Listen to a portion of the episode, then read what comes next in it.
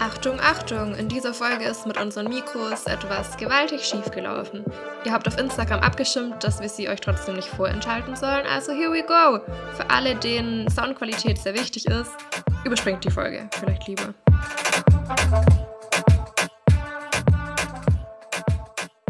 Wir begrüßen euch recht herzlich zu unserer zweiten Podcast-Folge Viel Safttrank mit Benita und Anja. Das ist so komisch, dass wir es Benita und Anja genannt haben. Gell? Ja, weil wir eigentlich immer Anja und Benita sagen. Mhm. Oder jeder Anja und Benita sagt. Ja. Das habe ich mich sowieso schon immer gefragt. Warum macht man.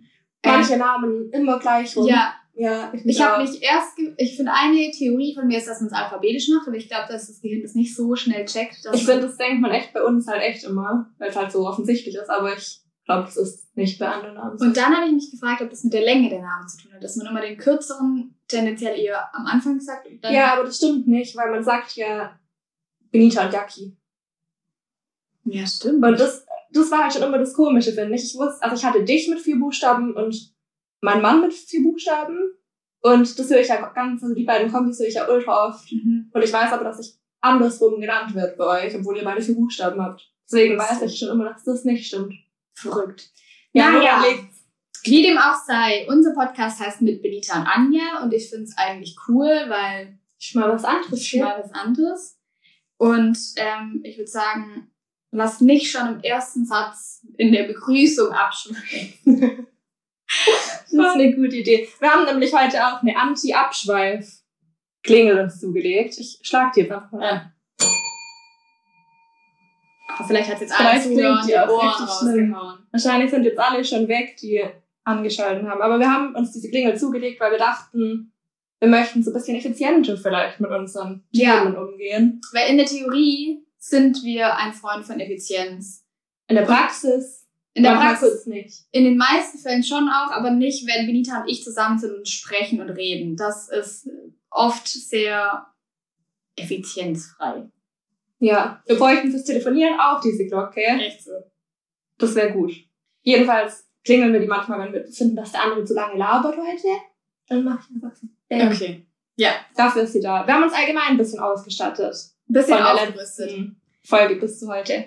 Die, die uns auf YouTube zuschauen, die sehen gerade, dass wir uns einen Kessel zugelegt haben für unseren Vielsafttrank. Da befinden sich unsere Themenzettel. So ein schicker Hexenkessel. Und wir haben natürlich auch schon die Getränke eurer Wahl äh, mit dabei heute. Und zwar heißt es, ich werde es so falsch aussprechen. Ich habe es schon falsch ausgesprochen, als ich es beim Döner geholt habe. Uludak Gasos. Ich habe vor allem Uladak gesagt. Und sie so, Uludak? Nee, also sie hat es dann gut gesagt, nicht so ich. Aber ja. Naja, auf jeden Fall, ihr habt entschieden oder ihr habt äh, gesagt, wir sollen das heute probieren. Machen wir jetzt auch. Ich habe es noch nie getrunken. ich auch nicht. Ich wusste gar nicht, was auf uns zukommt. Aber ihr habt uns ja am Live-Video schon so ein bisschen aufgeklärt, was es ist. Und wir hoffen, dass es geil schmeckt. Und wir Also- machen das jetzt auf. Und ich erzähle dir so lang äh, die Freundschaft, die ich für heute Mittag gebracht habe. Okay, aber warte. Schönes, erfrischendes Geräusch. Ultra süßer Geruch. Und es schmeckt hoffentlich nicht wie ein Energy Drink. Bin gespannt. Es Hier riecht wie ein Energy Drink. auf unseren Prost, auf ersten unsere Freundschaft. und viel und, und, Oder unseren ersten Vielsaft. unseren ersten Vielsafttrank. Ui. Ah, Ach du meine Güte. ja. Es schmeckt nicht wie Sprite. Nach Anjas Hoffnung. Aber es ist schon okay. Aber ich muss halt auch sagen, ich bin so ein krasser Spießer, was Getränke inzwischen angeht. Ich trinke halt Tee, Kaffee und Wasser. Das ist so mein. Ja, das ist wirklich ultra schließlich. Aber ich finde, das ist auch für mich jetzt ein bisschen. Also ich liebe ja Cola und so. Mhm. Aber ich finde, es schmeckt ähm, so anders süß. Es schmeckt ein bisschen. Ich sag's dir am Ende der Folge, wie ich finde, das schmeckt. Okay. Okay. Bringst du nicht weiter. Okay, Okay, egal. lass uns weitersprechen. Das jetzt auch nicht so, als würden die uns sponsern oder so. Ich finde, das ist gerade so ein Testing. Wir müssen jetzt Werbung drunter schreiben. Das stimmt überhaupt nicht. Es ist halt einfach nur. Ihr habt Ja, es einfach ausgewählt, dass Mhm. wir das trinken sollen. Lass übergehen zum. Achtung! Lass übergehen zum nächsten oder zum ersten Punkt. Nee, zum zweiten Punkt, weil der erste Punkt ist ja das Getränk gewesen. Ähm, zu Beginn jeder Folge, ähm, wie manche von euch wissen, wollen wir eine Freundschaft vorstellen in unserem Freundschaftspodcast. Und schlecht. ich bin heute dran gewesen mit der Freundschaft, die ich mitbringe. Und, Und ich bin gespannt, welche Freundschaft du hast. ja, ähm, Die Freundschaft zwischen Hermine Granger und Ginny Weasley Mm, habe ich mitgebracht. die ist sehr schön, ja. Und ich finde halt eben nicht. Nee, Weil- schöne Thematik, ja. Mhm. Weil, warum ich die mitgebracht habe, ist, weil ich finde, dass sie irgendwie nicht genug appreciated wird oder nicht genug. Also ich finde sowohl in, also in den, in den Filmen, finde ich, kriegt man gar nicht mit, dass die irgendwie miteinander befreundet sind oder so. Da wird das einfach nicht thematisiert. So, aber ich finde, da ist Ginny allgemein ja sehr viel weniger präsent als in den Mhm. Büchern. Was Ähm, an ihr schon ein bisschen ankostet. Mhm. Und ich finde aber auch in den Büchern, da wird einmal, ich nörde jetzt so richtig krank ab, weil ich euch wahrscheinlich immer die Seitenzahlen auch sagen könnte, genau wie oft wer mit wem spricht und so Ja. in Harry Potter Büchern. Das ist ein bisschen arg übertrieben, aber da kommt wirklich nur einmal, erinnerst du dich an die Szene, sorry, ich spoilere auch alles jetzt, ich nehme keine Rücksicht auf Leute, die Harry Potter nicht kennen oder die Bücher nicht gelesen haben. Diese Ja. eine Szene, als sie im Gemeinschaftsraum sind und da ähm, im sechsten Teil ist es. Und dann ähm, irgendwie Ginny Harry verteidigt wegen dem Buch Mhm. vom Halbblutprinzen. Und dann ist so, ähm, Hermine sagt irgendwas dagegen und dann haben die sich kurz so angezickt. Ja. Und dann wird nur so gesagt, das ist richtig ungewöhnlich. Normalerweise Ginny und Hermine, die sich doch so gut verstehen. Ja. Und man weiß ja theoretisch schon auch, dass Hermine immer bei Ginny im Zimmer ist, wenn die Mhm. irgendwie bei den Weasleys im Fuchsbau ist und so. Das heißt, man weiß schon, dass die irgendwie Zeit verbringen, aber es wird nie drauf eingegangen. Und dann Ja. kommt nur noch eine andere Sache, wo das erwähnt wird, die Freundschaft zwischen denen, als ähm, Hermine, äh, als Ginny irgendwann mal sagt zu Harry, ja, Hermi- Hermine hat mir irgendwann irgendwann mal geraten, auch andere Jungs in Betracht zu ziehen und mit anderen Jungs Ja. zu beschäftigen, damit ähm, du, Harry, mich mehr wahrnimmst. Mhm. Das sind die einzigen beiden Sachen, wo irgendwie so eine Kommunikation zwischen den beiden Mhm. erwähnt wird. Und Ich finde es richtig schade, weil, Alter, ich würde Und ich finde auch in den Filmen ist es eigentlich nur so, ähm, ja, ich glaube in Band 4 eigentlich nur, oder im Film 4, dass die mal so eingehakt zusammenlaufen und so ganz viel zusammen sind, als eben Ron und Harry sich so streiten während dem ähm, Trimagischen Turnier. Ich finde, da ist noch ein bisschen so, dass man die zwei zusammen rumlaufen sieht. Mhm. wenigstens. Die sind so eingehakt. Aber ich finde es halt auch echt eher so, meine Jungs, meine besten zwei Freunde streiten gerade, drum bin ich mit Ginny. Mhm. Aber das regt mich voll auf, weil Ginny und Termine wären echt Mhm. coole Ich Freundinnen Ich eigentlich. würde so viel mehr gern von der Freundschaft wissen. Oder so einfach so dieses reinsneaken, wenn dann eben Hermine und Ginny so ja eigentlich jede Nacht im gleichen Zimmer verbringen, wenn die im Fuchsbau sind. Was sie dann da so sprechen und was Aber findest du, die passen zusammen charakterlich als Freunde? Weil ich finde, man denkt doch auch immer so, dass die keine gemeinsamen Interessen haben und dass Ginny so Besen fliegt und so sportlich und wild ist und so. Und dass Hermine so als Leseratte und so still ähm, und so drinnen im Haus und so warm sein will und Ginny so Mhm. abenteuerlustig draußen so Outdoor Ja, Zeug ich finde so. nämlich eben, das weiß ich nicht. Ich müsste mir da mal nochmal mehr Gedanken machen, weil ich finde es halt, ich finde beide einfach so mit Abstand welche der tollsten Charaktere bei Harry Potter. Mhm. Aber ich finde tatsächlich so charaktermäßig weiß ich nicht, wie gut die passen. Ja. Okay. Das ist die Freundschaft. Ja, kannst du machen.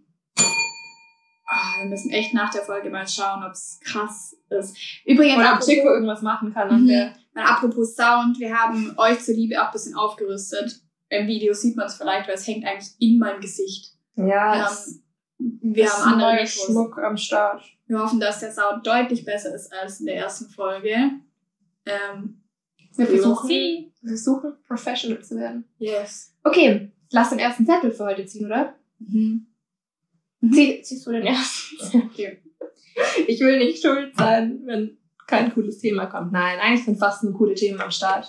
Danke auch für eure Themen. Ja, und was way. auch noch äh, wichtig ist für uns zu wissen, was ihr über die Freundschaft von Ginny und Hermine denkt. Schreibt es unter das YouTube-Video, würde ich sagen, würde ich meinen. Weil Sehr interessant. Ich habe da noch nie mit irgendjemandem drüber geredet. Mich würde echt interessieren. ich denkt. gerade echt auch nicht, gell? Ich habe erst gedacht, ach, die nehme ich halt mit, die Freundschaft. Aber jetzt, wo ich so drüber spreche, denke ich mir so, krank spannend, finde ich, die Konstellation. Ja. Weil es eher so dieses ist, so, ja, wir chillen halt zusammen, weil halt ist die beste Freundin von meinem Bruder ist, beziehungsweise halt die Schwester von meinem, von meinem Freund ja irgendwann dann. Ja. Das, ist- das hat ja dann auch so schwer geworden. Mhm. Dann irgendwann. Eigentlich schon, Mhm. schon spannend. Okay, der erste Zettel. Skifahrgeschichten. Hui. Anja, wo fangen wir an? Ich glaube, wir haben, ja, wir haben halt safe nicht Zeit für, für alle. Ich, ich weiß auch gar nicht, ob wir, haben wir die mal aufgeschrieben? Weil ich weiß noch, wir hatten einen Skifahrurlaub und Wir das können eigentlich so ein. Band machen. So Anja und Benita, Schiefergeschichten, Band 1. Und dann so ein Band spannende Geschichten, ein Band peinliche Geschichten. Der wird besonders dick. weil wir sind halt auch voll oft zweimal im Jahr gemeinsam im Skiurlaub gewesen. Weil es halt eine Skifreizeit von meiner Familie gab und ein Skifahren von Anjas Nee. Familie. Doch, eine Zeit lang schon. Die Freudenstädte, Ja, wo meine Familie einfach mit dabei war. ja. Das hat sich nie überschnitten. Wir waren früher mal alle in Adelboden. Ach so, Dann nee, das meine ich nicht. Ich meine, die Freudenstädte, sag wir, neuer sind und dann noch die Silvester. Nest. Ja. Ah, Da gab es die Silvester und die Ostern. krank, okay, das klingt, Ja. als wären so die krankesten Bonsen. Ja, wir waren einfach zweimal im Jahr Skifahren, als wäre es halt so. Ich, ja, da Das wir könnte halt, man sich halt gut leisten. Ne? Nee, aber Skifahren war schon in unserer Familie wichtig. Sag mal Ja. so. Okay, ähm, wenn wir jetzt für eine Skifahrgeschichte entscheiden müssten, mir fällt zwar spontan auch das mit dem Bachbett ein und mit der Hubbelpiste und so Mhm. und mit Warum so Sedenki. Äh, War das dieses Ähm, Lied? Nee, das war ein Ding. Abraham de Lacy. Ja, ja, ja, ja. ja. Damals O'Malley. Aber die würde ich nicht ist okay. nehmen, sondern ich würde auf diese Geschichte, die ich so lustig finde. Es tut mir so leid, weil das ist alles auf Benitas Kosten, was wir erzählen werden, wenn wir uns für die Geschichte entscheiden. Aber die ähm, mit der Mittagspause in der Skihütte. ja. Ja? Ja, leg los. Okay. Ich, ich füge dann hinzu, aber ich, du darfst die Peinlichkeit Okay. offenbaren. Es begab sich zu einer Zeit. Benita und ich waren im Skifahrurlaub in Adelboden. Unser wir, Alte? wir waren 14, 14? 5. Nee, kann eigentlich gar nichts. Ich glaube fast 13, 14.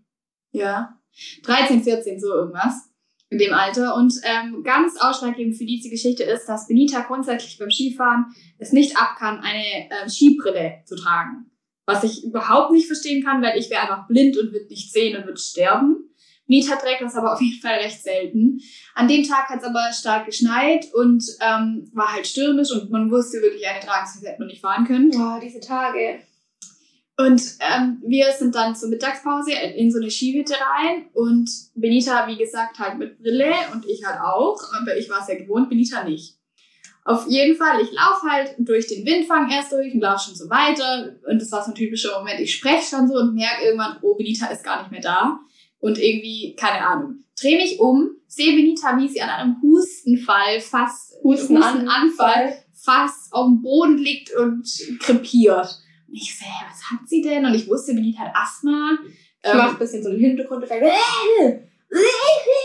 ja, so hat's geklungen. Und ich dachte, hä, ich weiß nicht, was sie jetzt hat. Und sagt sie so, äh, aus dem Hust, zwischen dem Husten, sagt sie so, Anja, es ist so rauch hier drin, ich kann nicht atmen. Ich kann nicht atmen, es ist alles so rauchig. Und ähm, ich fand schon ein bisschen unangenehm, weil so wirklich die Leute so schon geguckt haben so und es war halt kein Ding und Benita schon so, guck, hast du gerade ein Schild? Und es war so ein Rauchen verboten Schild. Das ist echt unverschämt. So, und ich war wirklich verwirrt, was passiert, bis ich gesehen habe, dass Benita einfach noch ihre Skibrille auf hat, die natürlich, weil wir in die Hitze reingekommen sind von draußen, komplett angelaufen war. Ich so, ja, Benita, mach bitte deine Skibrille kurz hoch. Benita macht Skibrille hoch und Ein Hoch auf Placebo-Effekt. Ich stoße mit Uludag Gasos auf den Placebo-Effekt an.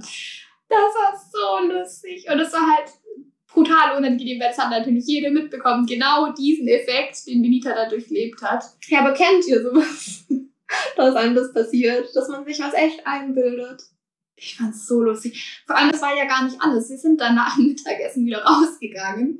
Und ich wusste ja, weil es gestürmt hat, dass Ja, der Tag war noch nicht vorbei an Peinlichkeit, als ob es nicht genügt hätte für einen Tag oder für ein Jahr. Ich fand's so lustig, weil ähm, ähm, wir sind dann rausgegangen wieder, wollten weiterfahren und ich dachte so, ah, es schneit draußen, das ist richtig clever, in dem Windfang schon, bevor wir draußen sind, meinen Helm, meine Handschuhe und alles anzuziehen, damit du halt ready bist, wenn du draußen bist. Benita ist halt schon vorausgelaufen, Mhm. weil ähm, sie das nicht mitbekommen hat, dass ich das gemacht habe. Kommt so nach einer halben Minute panisch wieder reingerannt. Ich so, hey, was ist passiert? Erzähl, was passiert ist. Ich bin so lustig, weil es alles auf deine Kosten bisher. Ja, wir, wir gucken beide noch nach einer peinlichen Geschichte von dir. Aber im Skifahren Ja, was echt öfter bei mir. Ähm, ich laufe mit Anja, wir unterhalten uns ganz normal, laufen so nebeneinander her. Ich ziehe auch währenddessen so meine Handschuhe an und so, bin so konzentriert eben auf ein paar Dinge, die man so richten muss an sich. Und dann ähm, sehe ich einfach vor mir, da stehen ja die ganzen Ski, die alle vor der Hütte abstellen und so. Und einfach richtig geile Ski habe ich gesehen. Die sahen einfach folgendermaßen aus. Die waren so kurz, ähm, also trotzdem für Erwachsene und hatten so Fußzehen vorne an als, also sahen einfach aus wie Füße. Und ich fand es ultra cool und dachte mir so, Alter, was sind da für Ski? Und nehme Anja und ziehe sie so nah an mich hin und sag, guck mal. Na, für die, die auf Spotify zuhören. Für die, die auf Spotify zuhören, so nah, dass ihre Wange an meine Wange berührt. Mhm. Ziehe ich sie her und sag, guck mal die Ski und zeige in die Richtung. Und dann habe ich gemerkt, es handelte sich nicht um Anja, die ich nah an mein Gesicht hergezogen habe, sondern um einen fremden Typ in meinem Alter. Man bedenke, wir waren 13, 14. Ein peinliches Alter, um einen Typ ganz nah an sich hinzuziehen und zu berühren und zu sagen, guck mal, schöne Ski. Und das Dumme war halt auch noch, ich guck dann zu ihm rüber, sehe, dass es sich nicht um Anja handelt, sondern um ihn und schuck ihn von mir weg und er hat Skistiefel an. das ist rutschig. Das heißt, wir sind auch noch beide auseinander gestolpert. Ich habe den fast noch auf den Boden gelegt. Ja, es war äußerst peinlich. Aber kennt ihr das? Nochmal frage ich euch, kennt ihr das? Dass man neben jemand herläuft und immer noch so im Augenwinkel die ganze Zeit denkt, es ist noch die gleiche Person. Und es ist aber schon jemand anderes. Ich habe einfach so die ganze Zeit mit Anja noch weitergeredet. So, ah, oh, voll kalt. Hm, ja, guck mal meine Handschuhe. Äh. Ah ja, oh, schau, die schönen Ski. Herrlich. Herrliche Geschichte. Ja. Und Klingel. Geschichte. Geschichte vorbei. Okay, ich ziehe an den nächsten Zettel. Oh, ich schaff es nicht mit Getränk.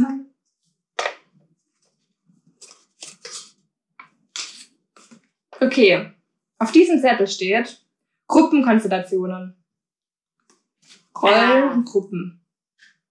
Da können wir ein bisschen abnörden jetzt. Abnörden. Ja. Weil Benita und ich haben ja beide studiert. Du studierst sogar eigentlich noch streng genommen. Ja, ich habe, ja, ich studiere noch streng genommen. Noch ein bisschen. Nee, aber ähm, ja, Gruppenkonstellationen sind ist voll wichtig in der sozialen Arbeit.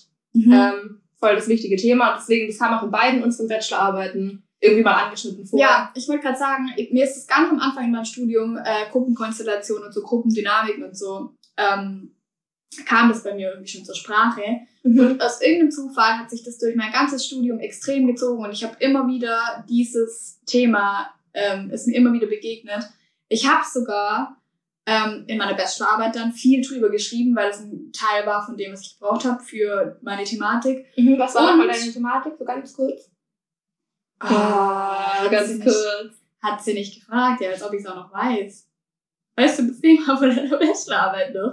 Von der zweiten schon. Ja, weil die halt gestern Nee, aber war. bei mir ging es halt zum Beispiel um ähm, Familienseelsorge. Und deswegen wegen Familien habe ich halt auch die Gruppenkonstellationen ein bisschen angeguckt. Okay, bei mir ging es über Coaching ähm, und den Einfluss von Musik und Teambuilding auf Fortschritte in der Persönlichkeitsentwicklung. Ja.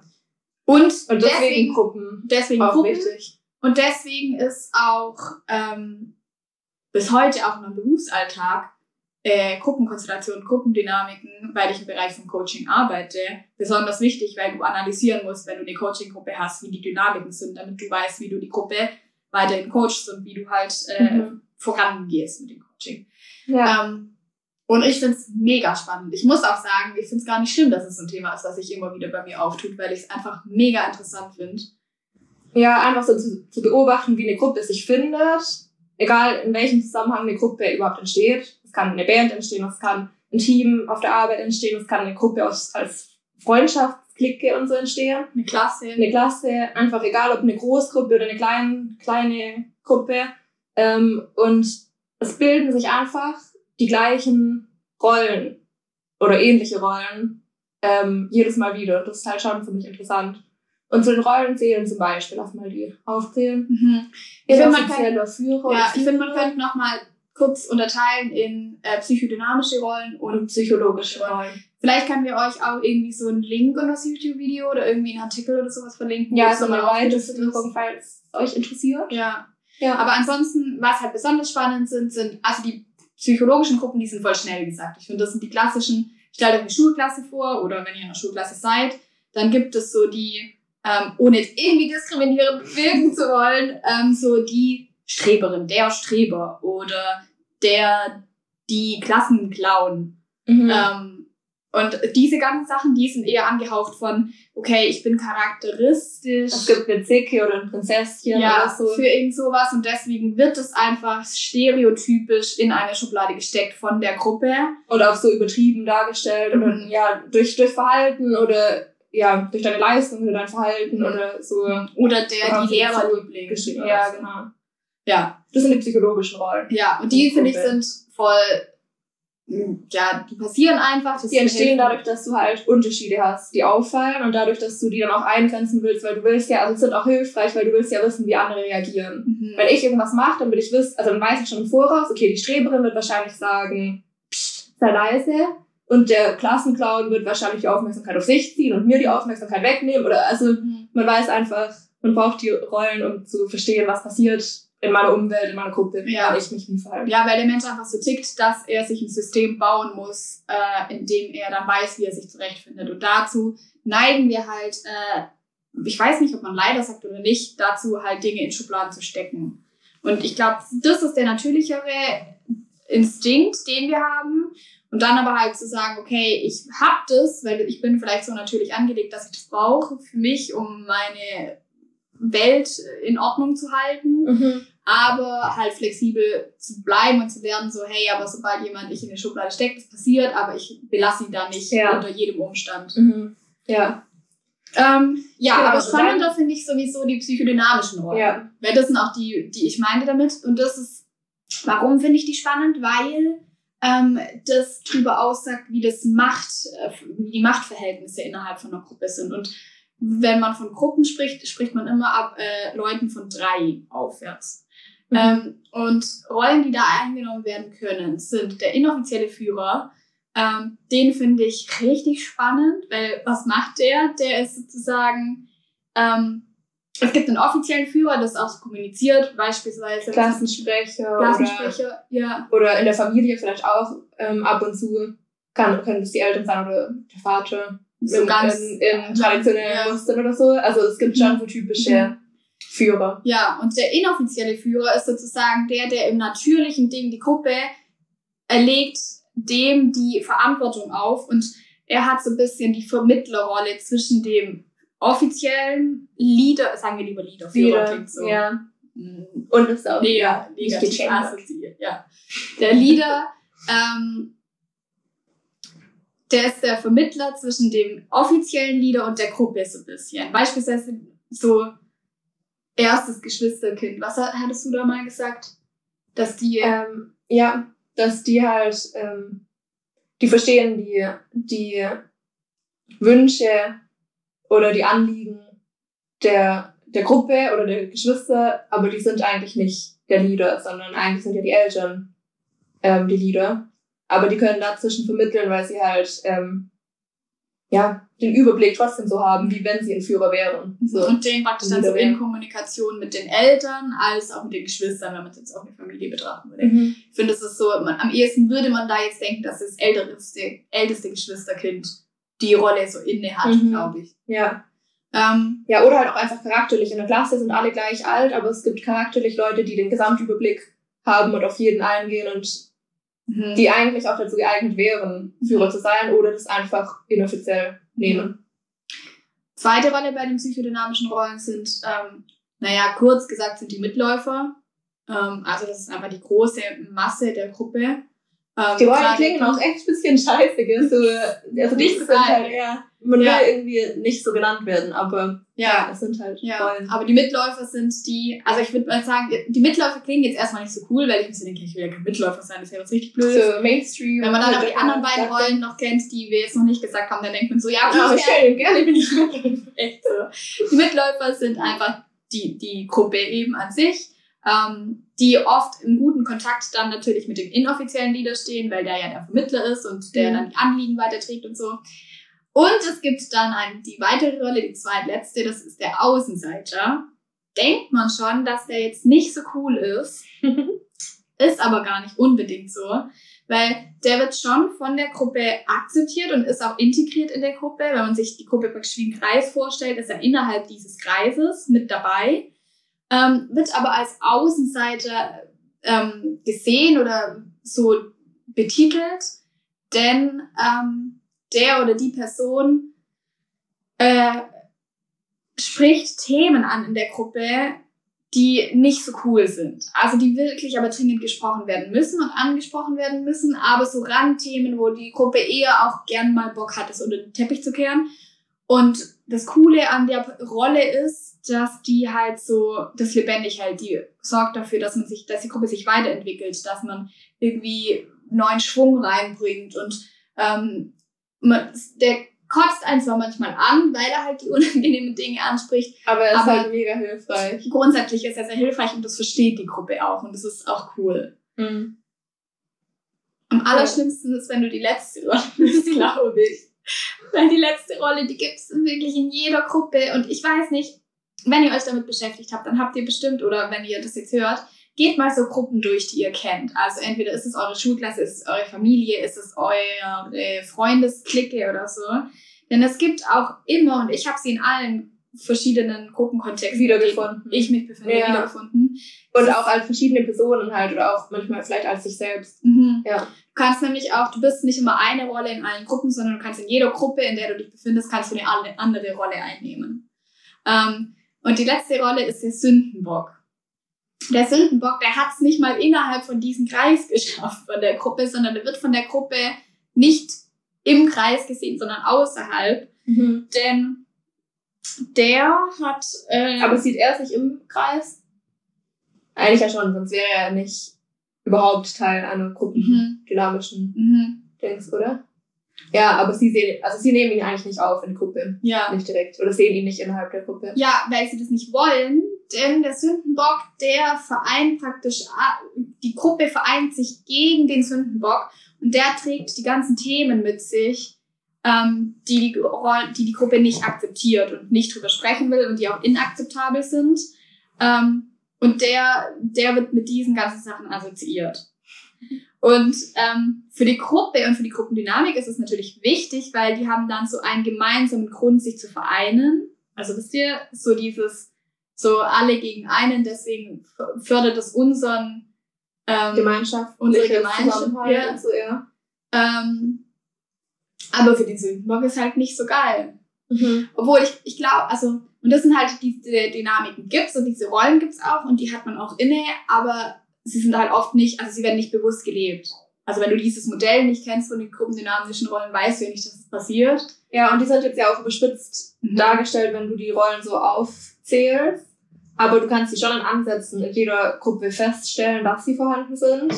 Ähm, und sie sind aber auch alle wichtig und alle auf eine Art gleichwertig. Mhm. Aber es ist halt, ja, es ist halt für einen leichter und für einen, also als Mitläufer geht's dir halt ein bisschen leichter in der Gruppe als als Sündenbock oder als Außenseite. Mhm.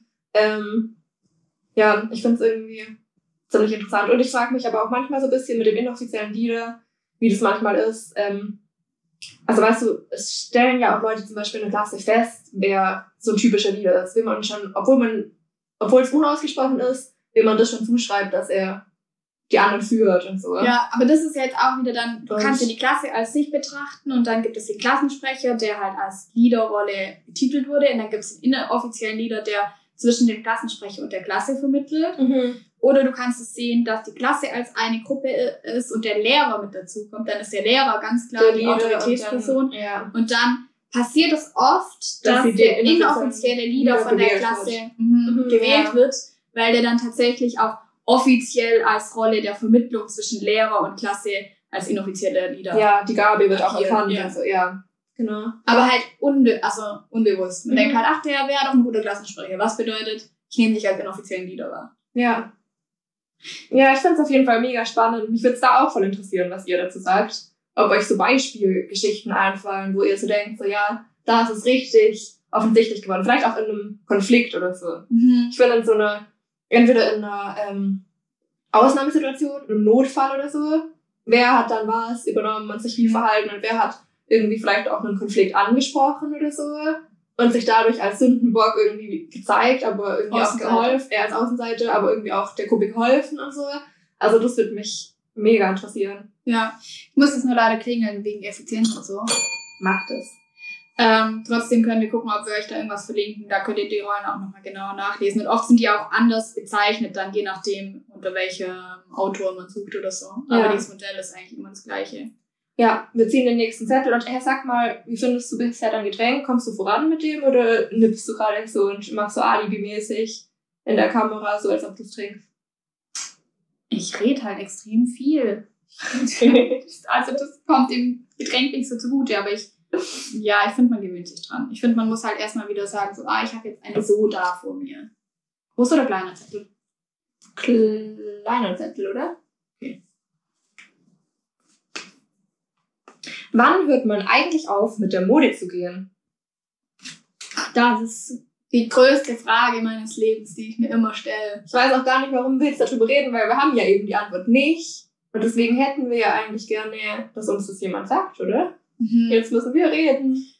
Wann man Okay. aufhört. Aber dann, ist ja, dann können wir wir es jetzt erklären, was wir damit meinen. Und ihr könnt ja sagen, was wir tun sollen oder was ihr denkt. Weil wir wissen es echt. Ihr könnt auch ganz ehrlich sagen, so Anja, Benita, ihr seid echt zu alt für das, was ihr tragt.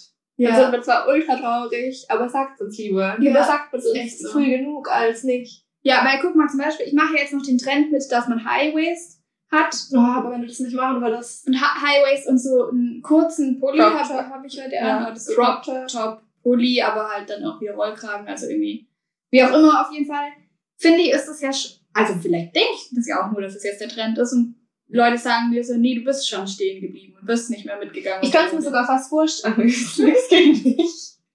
Aber ich kann es mir schon fast ein bisschen vorstellen, weil du heute keine Mom-Jeans anhast sondern- oder halt keine weitere Jeans oder Schlaghose oder so.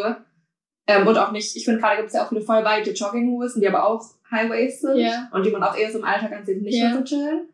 Und ich finde, du hast halt jetzt heute zur Erklärung, Anja hat eine Skinny enge, eine Jeans. Skinny Jeans, die High-Waist ist. Ich weiß nicht, ob das schon fast wieder, Stimmt, das trägt man eigentlich. schon fast wieder nicht. so cool ist, ja. Und Ich bin auch, ich Dazu muss man auch sagen, wir haben uns gestritten um die, weil ich wollte die eigentlich gerade anziehen und Anja hat sie mal ähm, ja, da hast du recht, aber ich habe Das heißt, ich darf auch nicht lästern über dich, weil ich wollte sie ja auch anziehen. aber ich habe eh auch immer das Gefühl, dass du ein bisschen weiter voran oder vielleicht, dass du schneller auf die Trendzüge mit aufspringst als ich und ich auch ein bisschen konstanter. Irgendwie stimmt gerade gar nichts mit meinen Haaren, gell? Ja, ich mach's richtig. Okay. Okay. Ähm, dass ich konstanter bleib in meinem Style und du schneller auch wechselst, dich schneller anpasst. Du hattest bestimmt vor mir eine Mom Jeans, du hattest vor mir Crop Tops. Also so. Ja, du hast auch über meine Mom-Jeans gelästert, die habe ich auf den Philippinen gekauft. Da hast du so gesagt, was machst du? Und ich so, guck in Instagram, dann siehst du, was ich mache. Ja, ja, dann habe ich, da hab ich jetzt habe ich die jeden Tag an. Jetzt darf ich die gar nicht mehr haben. Nee, aber ich finde, manchmal bin ich auch voll rückschrittlich.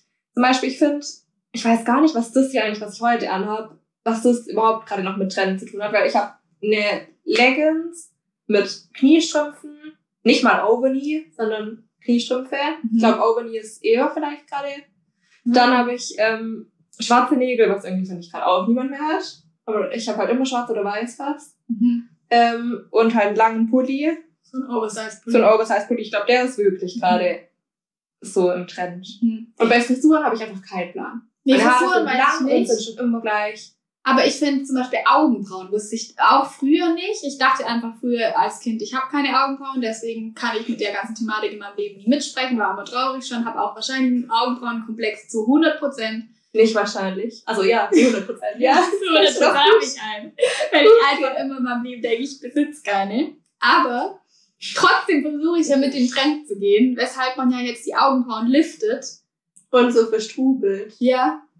Aber dann denke ich mir so, hört es irgendwann auf? Weil ich finde, die Frage ist ja unsere, kommt ja eigentlich daher. Habt ihr ältere Geschwister, die wirklich ein Stück älter sind? Weil, Oder auch, ich finde, bei älteren Freunden und so. ja, Einfach die die tragen ja jetzt zum Teil halt einfach noch so, jetzt wollte ich gerade sagen, so Schlaghosen, aber vielleicht kommt das ja auch irgendwann wieder. Aber es ist halt so dieses, ich wüsste gar nicht, wie man den, wie man die, das beschreibt, was ich jetzt gerade Ja, ein langes, ein langes 2000er Oberteil mit einer tief, mit einer Low-Waist Jeans, die aber auch nicht so arg Schlaghose ist, dass man schon wieder geil findet, sondern die ist einfach nur nicht eng geschnitten unten. Mhm. Aber auch nicht überall weit geschnitten wie eine Mom Jeans. Mhm. Ähm, und dann Chucks oder so. Oder halt so ganz normale Turnschuhe, die Mhm. nicht weiß und nicht groß Mhm. sind. Und deswegen keine so coolen Sneakers oder große Schuhe. Ja, keine Ahnung. Aber auf jeden Fall, ich finde, das Ding ist halt, man findet ja bei Erwachsenen so richtig, also bei Ja, stimmt, unsere Mamas, die Mamas, sind ja auch. findet man schon wieder okay. Das sind Aber ja die sind ja auch- ja. Ja, aber wir denken ja jetzt, die haben einen Mama-Style. Vielleicht haben die aber ja auch einfach ihren Style, den die halt so hatten, wie die schon hatten, als sie so alt waren wie wir damals, nur Ja. dass die dann da stehen geblieben sind. Also vielleicht haben wir genau den Style, den wir heute haben, in 20 Jahren.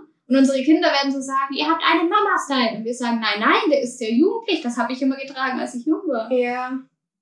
Ja, das kann tatsächlich auch sein. Das finde ich halt auch schlimm. Aber ich frage mich halt, gibt es irgendwie so einen Moment in meinem Leben, wo ich dann auch so sage, bei dem Style bleibe ich jetzt, weil das, das Junge, das darf ich jetzt echt nicht, das traue ich mich jetzt nicht mehr. Und ich habe halt auch richtig Angst, dass ich dann so werde, dass ich so 80 bin und immer so mit den Jungen hüpfe und so, ach, hab ich auch schon. Und so tue, als wäre ich Ja. ganz jung, aber bin nicht jung. Ich will schon, dass die Leute mir sagen, Anja, stopp, Stopp. Bis jetzt, hierher und nicht weiter. jetzt bist du alt und jetzt darfst Ja, du und nicht ich finde, es, es kommt ja auch so ein paar Sachen an. Also ich finde, ein paar Sachen, die macht man ja nicht mehr mit, weil die einem auch nicht so stehen, wenn der Körper oder die Haare oder was, wenn irgendwas an nicht dir geeignet nicht mehr geeignet ist dafür. Wenn es halt einfach nicht so gut zu dir dann passt. Zum Beispiel Bauchfall oder so, ich glaube, das stoppt man von selbst einfach irgendwann. Ja. Vielleicht. Auch wenn, wenn man es natürlich nicht müsste. Ist ja nicht schlimm. Aber ich kann mir vorstellen, dass solche Sachen, so gewagte Sachen, man einfach irgendwann stoppt. Oder ganz gewagte Farben oder ganz übertriebene Sachen. Einfach weil man dafür nicht mehr der Typ ist, wenn man älter ist. Voll oft. Also Apropos viele. alt. Ich habe Großer. ja, ich habe das Ja, ich auch. Das ist richtig schlimm. Ich habe drei oder so. Hast du den nicht rausgezupft dann? Nee, ich Weil wollte ich das hab machen, ganz panisch. Und dann haben die Leute gesagt, das darf man nicht machen. Warum nicht? Weiß nicht. Ich google mal nachher. Weil vor allem, die sind ja jetzt, die sind ungefähr so lang wie, so Finger lang. Und genau oben auf dem Scheitel. Du findest bestimmt eins, wenn du jetzt guckst. Ähm, und auf jeden Fall, die stehen manchmal auch einfach in der Mitte hoch. Wenn ich die rausreiße und die wiederkommen, stehen die ja immer wie so eine Antenne. Dann sieht man die ganz krass. Das Sind sind die, sind die härter Ja, und dicker? Weil bei mir, war- so bei mir dick. war das nämlich so.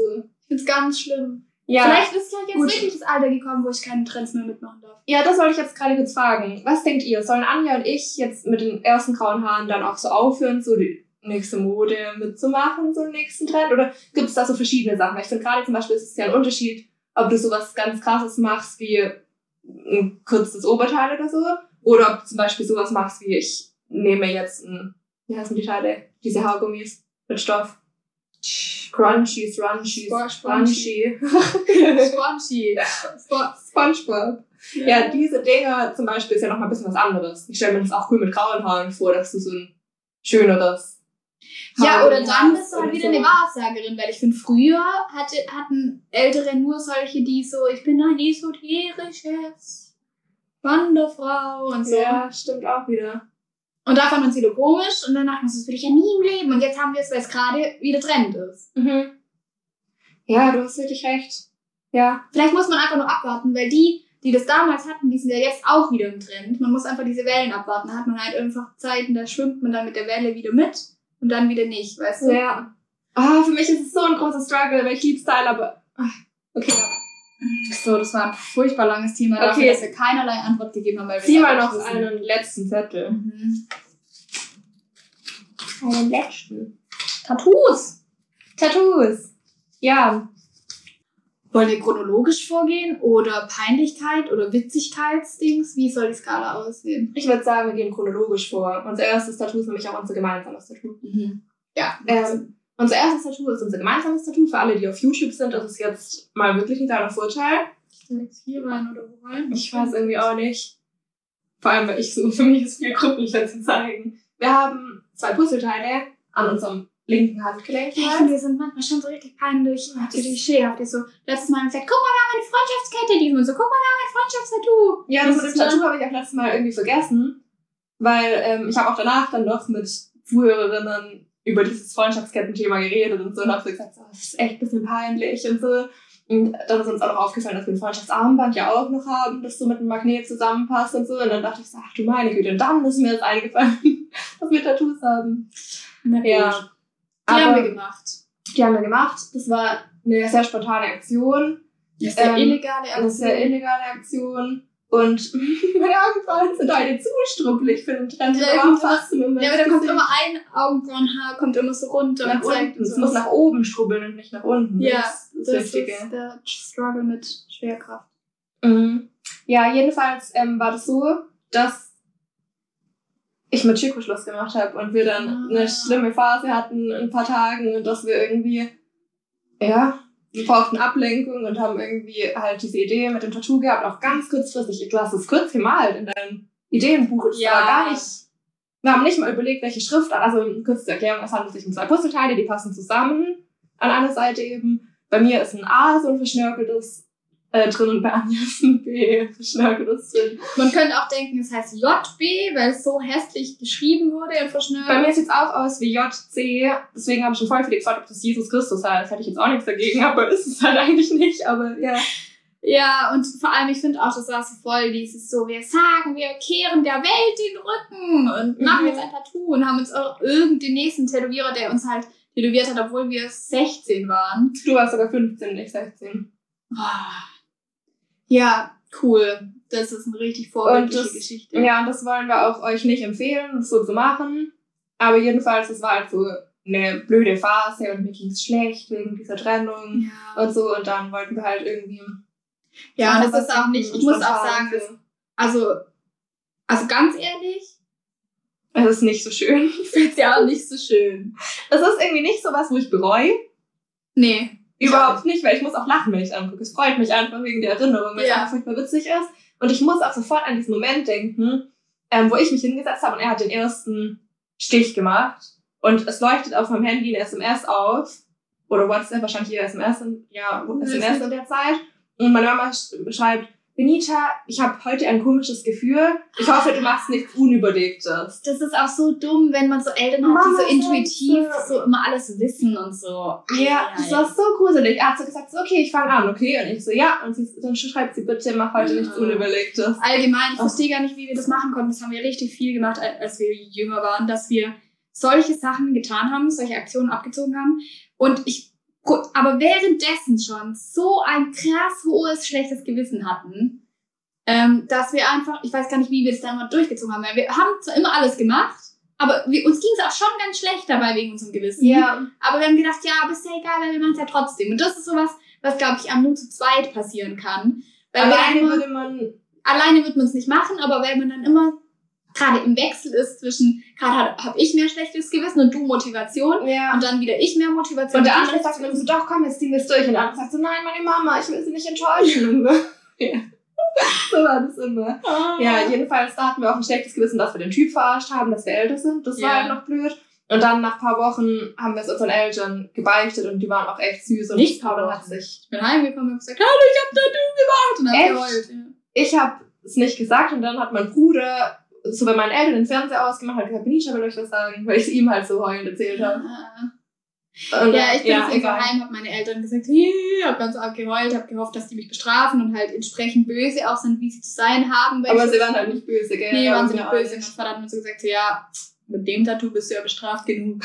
Ich so, toll, danke. Weil mein Bruder, äh, mein Bruder, mein Vater ist vor allem halt so richtig anti-Tattoos. Deswegen war das sowieso so ein Thema, das eigentlich nicht ging. Ja, ich glaube, mein Papa hatte nur Angst, dass es weh tat. Mir. Ja, weil- okay. Ja, Dann jedenfalls als nächstes kam bei dir eins am Fuß. Ja, da gibt's gar nicht so viel zu sagen. Ähm, das ist mein, ich habe einen Drang nach Individualismus-Tattoo. Deswegen habe ich mir in Berlin ein Tattoo am Fuß stechen lassen mit einem Copyright-Zeichen und dann Made by God, weil ich dachte so, ich bin so individuell und Gott hat mich so individuell geschaffen. Deswegen mache ich mir ein Tattoo, dass ich ein Copyright bin. Das finde ich ist richtig Mhm. krank, unsere Generation, gell? Ja, das ist voll krank. Also ja, man merkt voll. Niemals hätten die Baby-Boomer-Generation sowas mit sich gemacht. Aber ja, Ja, ich liebe Aber es sieht richtig schön aus und das ist richtig toll. Und das so am Fuß entlang außen. Ja. Ähm, dann kam als nächstes dein zweites am Zehen, glaube ich. Das ist eine Drunk Story. Wir haben äh, ein im Studium waren wir öfters oder in jedem Semester haben wir das versucht zu machen, zwei Tage irgendwo hinzufahren mit dem Kurs gemeinsam. Und einer von uns hatte leider eine besaßene Mhm. Tattoo-Maschine, die er überall mit hingenommen hat. Freut euch nicht mit so jemand an. Nein, nein, weil wirklich so viele aus unserem Kurs immer sich selber tätowiert haben, jemand anderes tätowiert lassen haben. Da kam auch dann so, einer hat einfach äh, den Frosch einfach jetzt auf seinem Oberschenkel und so. Und ich bin ja glück, also ich habe mich alleine tätowiert, weil ich dachte, ich will es ausprobieren, habe aber tatsächlich nur so zwei Striche auf meinen Zehen gemacht, um es mal zu testen. Es sieht so hässlich aus, aber ich denke mir so, na gut, man nimmt es in Kauf, dass man zwei Striche auf den Zehen hat. Ich habe nicht Kermit auf meinem Oberschenkel, also Mhm. ist schon okay. Ja, das stimmt. Mein nächstes war dann ähm, eine Panflöte auf meinem, ähm, auf dieser Schwimmhaut. nee, wir haben es als Kinder immer Schwimmhaut genannt, weil man hat doch so Zwischen Daumen, zwischen und Daumen und Zeigefinger. Ist doch so eine kleine Stelle. Wenn man das Loser-Zeichen macht, Wenn man dann Loser macht, ja, genau. den rechten Winkel. Ja, da habe ich so eine kleine Panflöte, die ist aber sehr abstrakt. Es handelt sich eigentlich einfach nur um fünf Striche und einen Querstrich. Ähm, und die sind halt wie so Orgelpfeifen größer werdend. Und ähm, diese Panflöte steht bei mir für ziemlich viel, weil die ganze Geschichte Peter Pan für mich einfach voll wichtig war. Und ich wollte auch ein Musik-Tattoo, aber jetzt nicht Notenschlüssel oder so. Ähm, und wollte das dann so vereinen, diese Geschichte und dieses Musikthema. Und dachte, deswegen ist die Panflöte halt ultra geeignet. Und für mich ist es halt auch so einfach so dieses, ich denke dabei immer so an Neverland halt vor allem, so an, ähm, wie heißt es denn, Nimmerland, Mhm. ähm, wo Peter Pan ja immer hingeht und wo man so für immer jung bleibt und so. Und das ist bei mir auch noch so was, dass ich so denke, so an so ewiges Leben und so. Deswegen, ich verbinde das, ich verbinde Neverland ganz stark mit dem Leben nach dem Tod. Mhm. Auch wenn es so ein bisschen komisch vielleicht klingen mag, aber für mich ist es irgendwie so, Mhm. dass ich das so denke. Das ist so, dafür steht es auch. Genau, dann als nächstes kam Ich glaube, meins in der Lippe. Tanz an der Lippe. Ich habe innen, innen an der Lippe, habe ich gedacht, es wäre richtig lustig, wenn ich mir ein Tattoo mache, was so ein trauriger Smiley ist. Also. Man sieht den ja echt noch. Ja, man sieht den echt noch. Aber der ist, also ist ganz stark weggegangen. Sowas musst du eigentlich vier, fünf Mal nachstechen lassen, bis es bleibt, weil halt an der Stelle voll schnell verschwindet. Auf jeden Fall fand ich, dachte ich, es ist lustig, wenn ich dann so zwei Punkte und ein trauriges Smiley hat mache, weil wenn man schmollt, kann man dann so die Lippe so. Was Anja ja ganz oft macht, schmollend. Finch.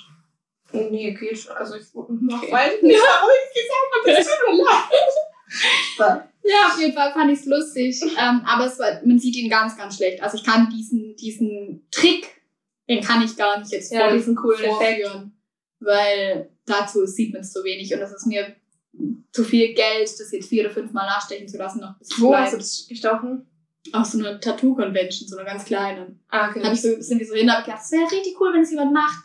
Ähm, ich war mit Tobi dort, der hat gesagt, das macht hier niemand. Und ich so, ja doch, doch. Und er gemeint, ja, ganz ehrlich, wenn dir irgendjemand hier das sticht, dann zahle ich das. Und dann hab ich gedacht, ja, okay, bin zum ersten hin, hat gesagt, ja, steche ich dir, Tobi hat's gezahlt. Ich war glücklich. Ja, dann kamen meine nächsten zwei. Ähm, oh, das klingt, als hätten wir so ultra zutätowiert. Aber Aber wir haben es bald. Wir Aber das geht durch. wirklich auch ziemlich schnell. Ich habe an meinem Finger so zwei kleine Striche an meinem kleinen Finger. Und das habe ich ähm, mit einer Freundin von mir gemacht, mit der ich ein halbes Jahr auf den Philippinen war zum Praxissemester. Und das war auch einfach eher so, wir hatten halt dort voll die coole Zeit, wollten uns einfach an ganz viele erinnern von der Zeit. Und sind dann an so eine coole Tattoo-Bar gegangen, wo auch die Atmosphäre einfach ultra witzig und ultra cool war und so. Und wo wir dann so voll viel gechillt haben und da immer Super Nintendo, Mario Kart und so gespielt haben. Und danach haben wir uns einfach zwei so Striche hier hin tätowiert. Weil eigentlich fanden wir das voll cool, wenn man so wie ein Muster auf den ganzen Fingern hat. Aber äh, wir wussten halt, dass unsere Boyfriends Tattoos gar nicht so arg mögen und haben uns dann so diesen Style nur an einem kleinen Finger ausgelebt. Genau.